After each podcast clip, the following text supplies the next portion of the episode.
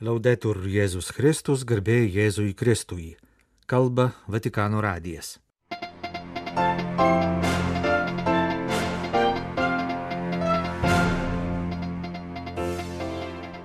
Po kelių savaičių pertraukos vėl įvyko popiežiaus bendroji audiencija. Pranciškus kalbėjo apie savo kelionę į Portugaliją ir dalyvavimą pasaulio jaunimo dienose.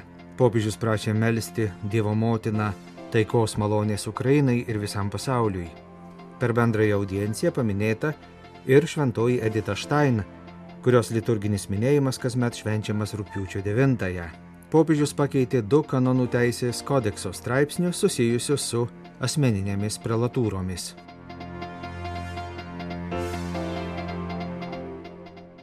Rūpiučio 9 dieną po trumpos vasaros pertraukos ir kelionės į Portugaliją vėl įvyko įprastinė popiežiaus Pranciškaus trečiadienio bendroji audiencija.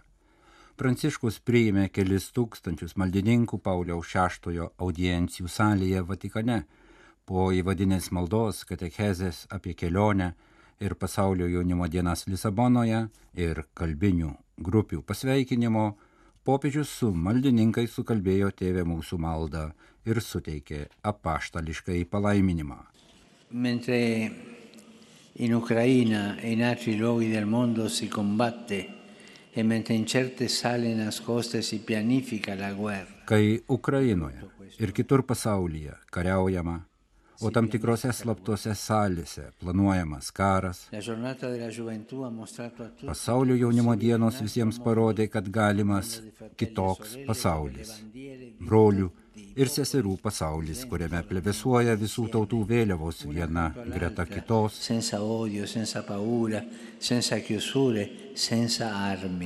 Be neapykantos, baimės, užsidarimo ir be ginklų.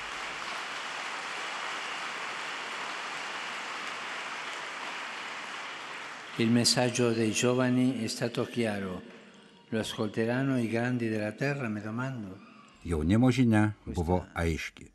Bet ar žemės galiūnai ją išgirs, ar išklausys taikos trokštančio jaunimo prašymą?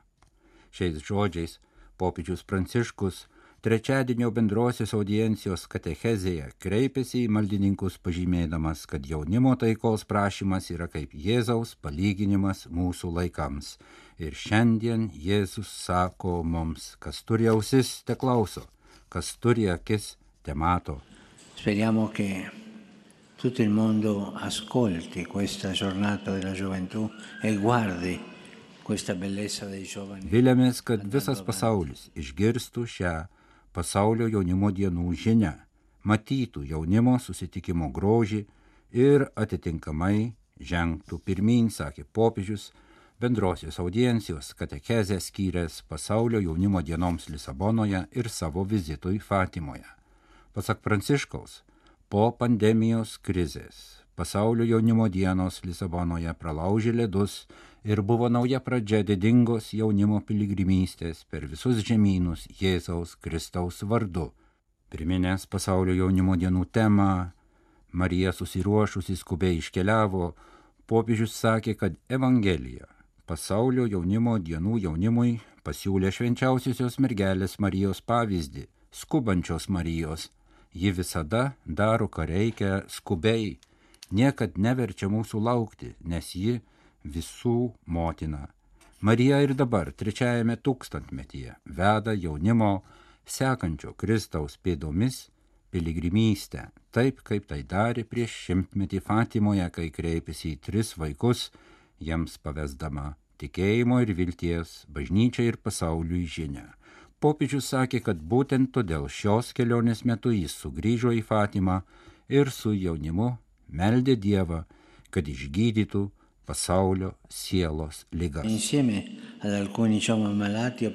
Dio perché lui guarisca il mondo delle malattie dell'anima, la superbia, la menzogna, l'inimicizia,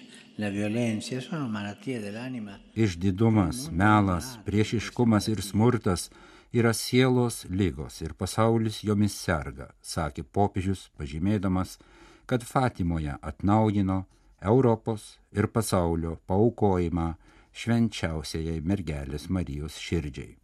Aš meldžiausi už taiką, nes visur pasaulyje daug karų, tęsė Pranciškus, kuris su audiencijos dalyviais pasidalijo susitikimo su jaunimo iš Ukrainos grupe Lisabonoje įspūdžiais. I giovani del mondo sono venuti a Lisbona numerosi e con grande entusiasmo. Li ho trovati in piccoli gruppi, e alcuni con tanti problemi, no? Il gruppo de, dei giovani ucraini che portavano storie che erano dolorose. Minios entuziastiško jaunimo atvyko į Lisaboną. Pasimačiau su nedidelėmis jų grupėmis, kai kurios jų patyrusios daug problemų. Grupė jaunų ukrainiečių pasidalijo skausmingomis istorijomis, sakė popiežius. Non era una vacanza dei giovani, non era un viaggio turistico e nemmeno un, un evento spirituale chiuso in se stesso. Pasaulio jaunimo dienos Lisabonoje nebuvo atostogos, turistinė kelionė, nei buvo dvasinis įvykis dėl savęs, o gyvas susitikimas su Jėzumi per bažnyčią. La giornata della gioventù è un incontro con Cristo attraverso la Chiesa. Jaunimas atkeliavo susitikti su Kristumi.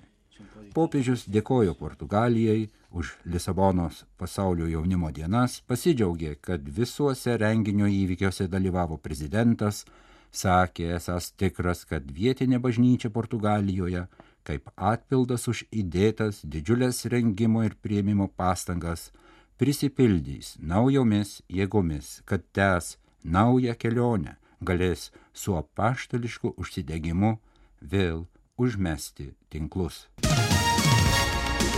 Kalba Vatikano radijas, tęsėme programą.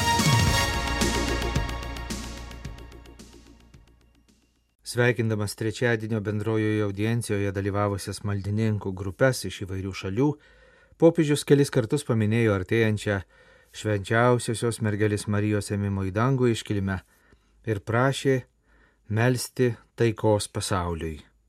Kreipdamasis į pilgrimus iš Lenkijos, Pranciškus sakė žinas, kad šiomis dienomis daug žmonių keliauja į Čenstakavą ir kitas Dievo motinos šventovės. Il desiderio della pace nel mondo. Patikiu jums troškimą, kurį turiu savo širdyje, taikos pasaulyje troškimą. Nuneškite į taikos karalieniai, prašykite šios neįkainojamos dovanos ypač brangiai ir kenčiančiai Ukrainai, sakė Pranciškus. specialmente per la cara e martoriata Ucraina. Kreipdamasis į bendrojoje audiencijoje dalyvavusius prancūzus, Pranciškus priminė, kad į dangų paimtoji švenčiausioji mergelė Marija yra gerbiama kaip Prancūzijos globėja. Popiežius prašė melstį jos užtarimo, kad žmonės statytų savo asmeninį ir visuomenės gyvenimą ant tvirtos uolos, kuri yra Kristus.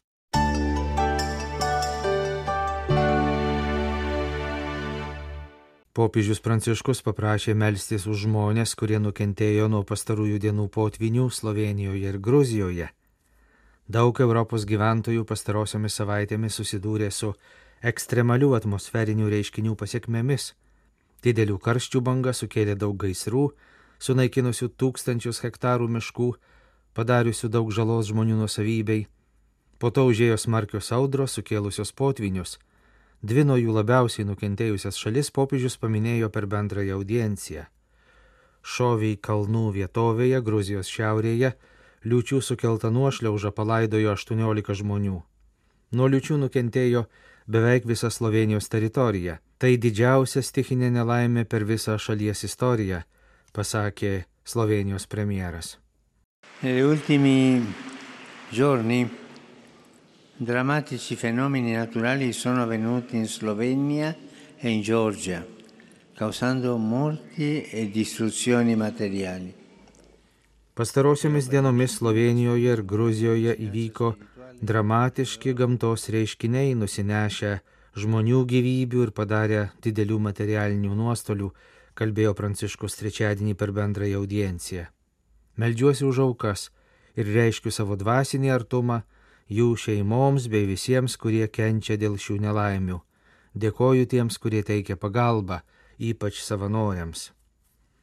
Kreipdamasis į portugališkai kalbančius maldininkus, popiežius paminėjo šiomis dienomis Belemdo para Brazilijoje vykstantį Amazonijos regiono kraštų prezidentų aukščiausio lygio pasitarimą ir užtikrino, jog meldžiasi, kad susitikimas duotų gerų rezultatų ir visus paskatintų įsipareigoti dėl kūrinijos apsaugos ir tvarios plėtros.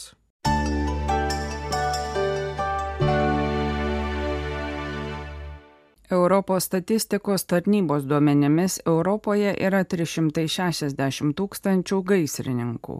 Pastarųjų savaičių ekstremalūs atmosferiniai reiškiniai, sausra ir gaisrai, liūtis atskleidė didžiulį ugnegesių trūkumą. ES yra 359 780 gaisrininkų, kurie sudaro mažiau nei 0,2 visų dirbančiųjų. Nepaisant gaisrų rizikos, kuri pastaraisiais metais išaugo ir dabar Europoje kai kuriuose regionuose kritinė situacija, ugnegesių skaičius per pastaruosius porą metų nuo 2021 nedidėjo, o atvirkščiai sumažėjo beveik 3000. Pagal gyventojų skaičių procentiškai daugiausiai gaisrininkų turi Graikija, Estija ir Kipras, kur gaisrininkai sudaro 0,4 procento dirbančiųjų sąrašo gale Olandija ir Prancūzija, kur Europos statistikos tarnybos duomenimis tik 0,1 procento dirbančių gyventojų yra gaisrininkai.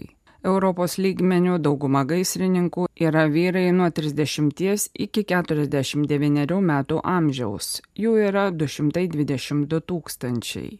Virš 50 metų amžiaus yra daugiau nei 91 tūkstantis ugnegesių, Europos informavimo apie miškų gaisrus sistemos duomenimis, kurie gaunami iš satelitinės Europos sistemos Kopernikus, savaitę nuo Liepos 31 iki rūpiučio 7 dienos Europoje vyko 22 dideli gaisrai. Miškų zonose gaisrai kilo Graikijoje, Ispanijoje, Turkijoje, Portugalijoje ir Italijoje.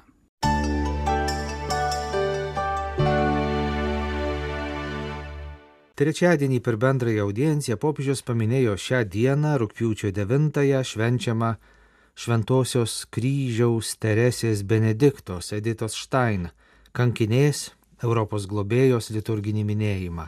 La sua testimonianza stimoli l'impegno a favore del dialogo e della fratellanza tra i popoli e contro ogni forma di violenza e di discriminazione.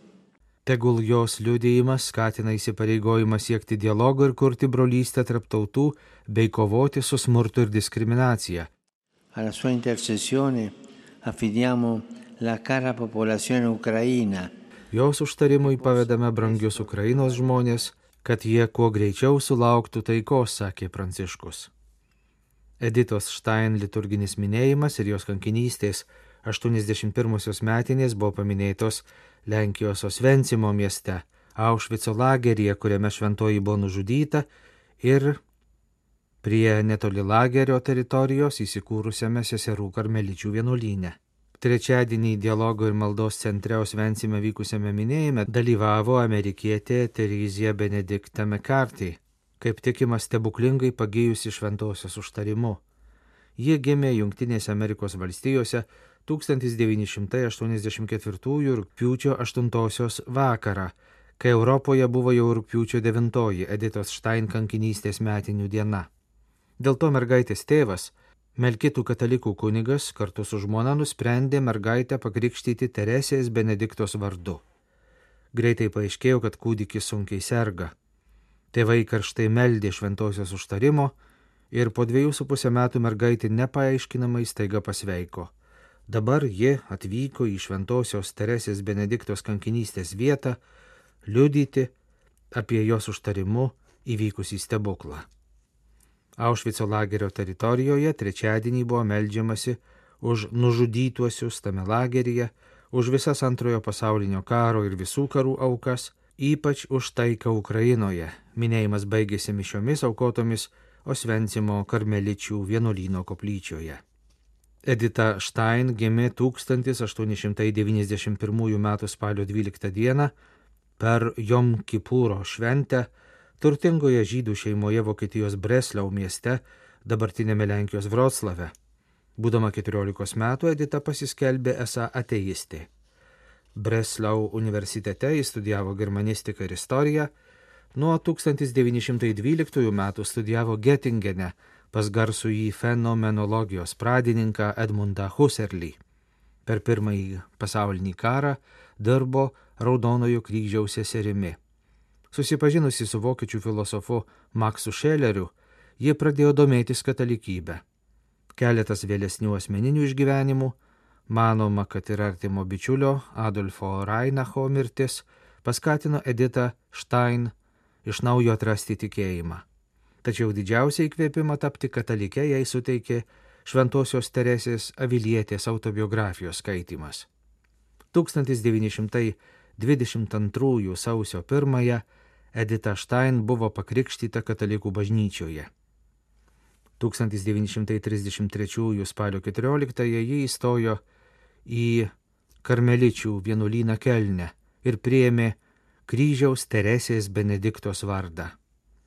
Nacistinėje Vokietijoje intensyvėjant žydų persikiojimams, 1939 metais ji buvo perkelta į Olandijos Echto vienuolyną, tačiau tai jos neapsaugojo. 1942 vasarą Edita, sesuo kryžiaus Teresė Benedikta, buvo suimta ir išvežta į Aušvico lagerį, rūpiučio 9 dieną nužudyta dujų kameroje, o jos kūnas sudegintas. Jonas Paulius II 1987 metais Kelne per piligriminę kelionę į Vokietiją paskelbė Edita Štain palaimintąją, o 1998 Romoje šventąją. Dar po dviejų metų ji buvo paskelbta Europos globėja.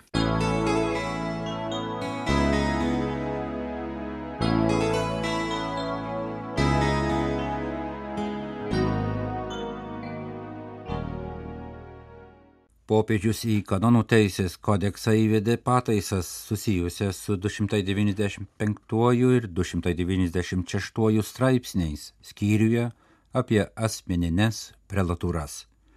Nors lygi šiol tai yra tik viena bažnyčioje asmeninė prelatūra, būtent Opus Dei, veikianti taip pat Lietuvoje, nuo dabar visos asmeninės prelatūros bus prilyginamos viešoms popiežiškųjų teisių dvasininkiškoms, dvasininkų vadovaujamoms asociacijoms. Kitos pataisos liečiančios kai kurios asmeninių prelatūrų vadovavimo ir pasauliečių veiklos aspektus suderinamai su apaštališkąją konstituciją predikatė Evangelijum, perkelusią kompetenciją už asmeninės prelatūras dvasininkijos dikasterijai, pristatytos popiežiaus pranciškaus apaštališkajame laiške motų proprio, pasirašytame ir paskelbtame jo įsigaliojimo dieną šių metų rūpjūčio 8. -ąją.